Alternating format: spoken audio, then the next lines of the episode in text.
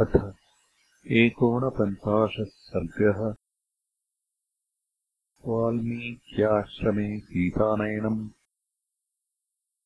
सीतान् रुदन्तीम् दृष्ट्वा तान् तत्र वै मुनिदारकाः।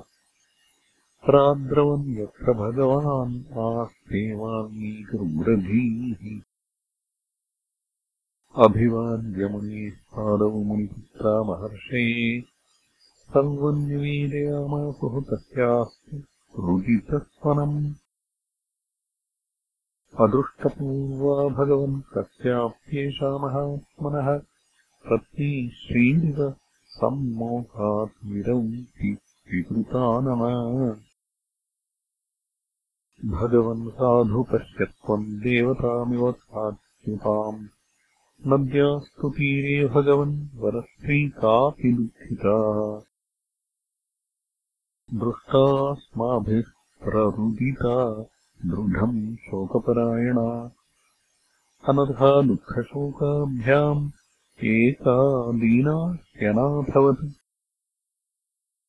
न केनाम् मानुषीम् विद्मः सत्क्रियास्याः प्रयुज्यताम्।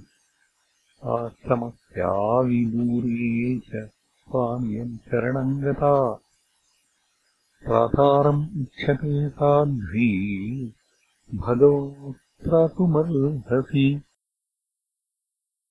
तेषाम् तु वचनम् श्रुत्वा बुद्ध्या निश्चित्य धर्मवित् तपसा लभ्यचक्षुष्माम् प्राद्रवन्यत्र मैथिली। तम् प्रयान्तम् अभिप्रेत्य शिष्यास्येन महामतिम् तन्तुदेशम् अभिप्रेत्य किञ्चित्पद्भ्याम् महामतिः। अध्यमादाय रुचिरम् जाह्नवीतीरमागमत् ददर्शराघवस्येष्टाम् सीताम् पत्नीम् अनाथवत्। ताम् सीताम् शोकभारार्ताम् वाल्मीकिर्मुनिपुङ्गवः। उवाच मधुराम् वाणीम् पादयन्निव तेजसा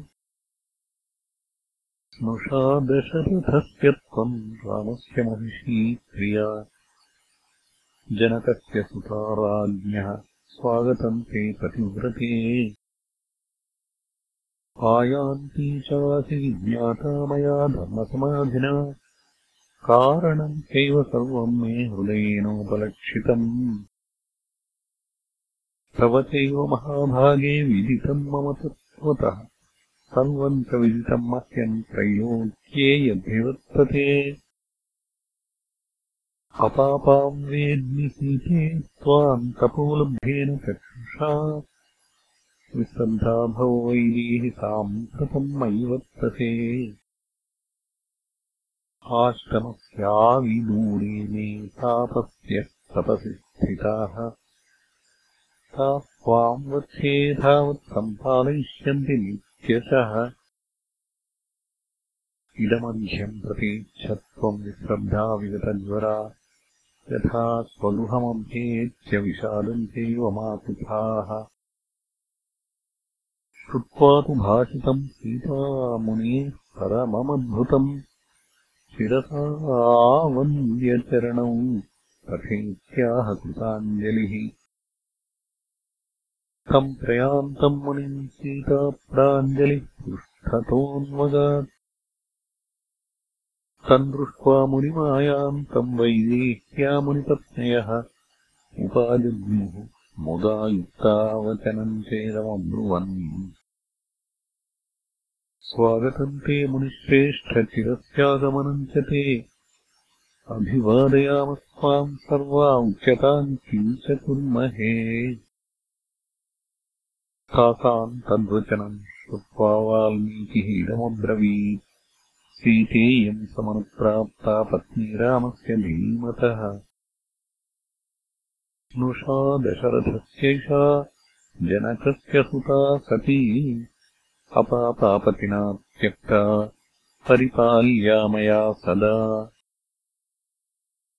इमाम् भवत्यः पश्यन्तु स्नेहेन परमेण हि गौरवान् मम वाक्याच्च पूज्यावोऽस्तु विशेषतः।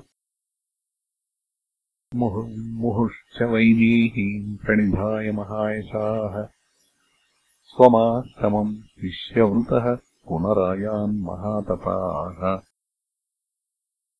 इत्यार्थे श्रीमद् रामायणे वाल्मीकीये आदिकाव्ये उत्तरकाण्डे एकोनपञ्चाशत् सर्गः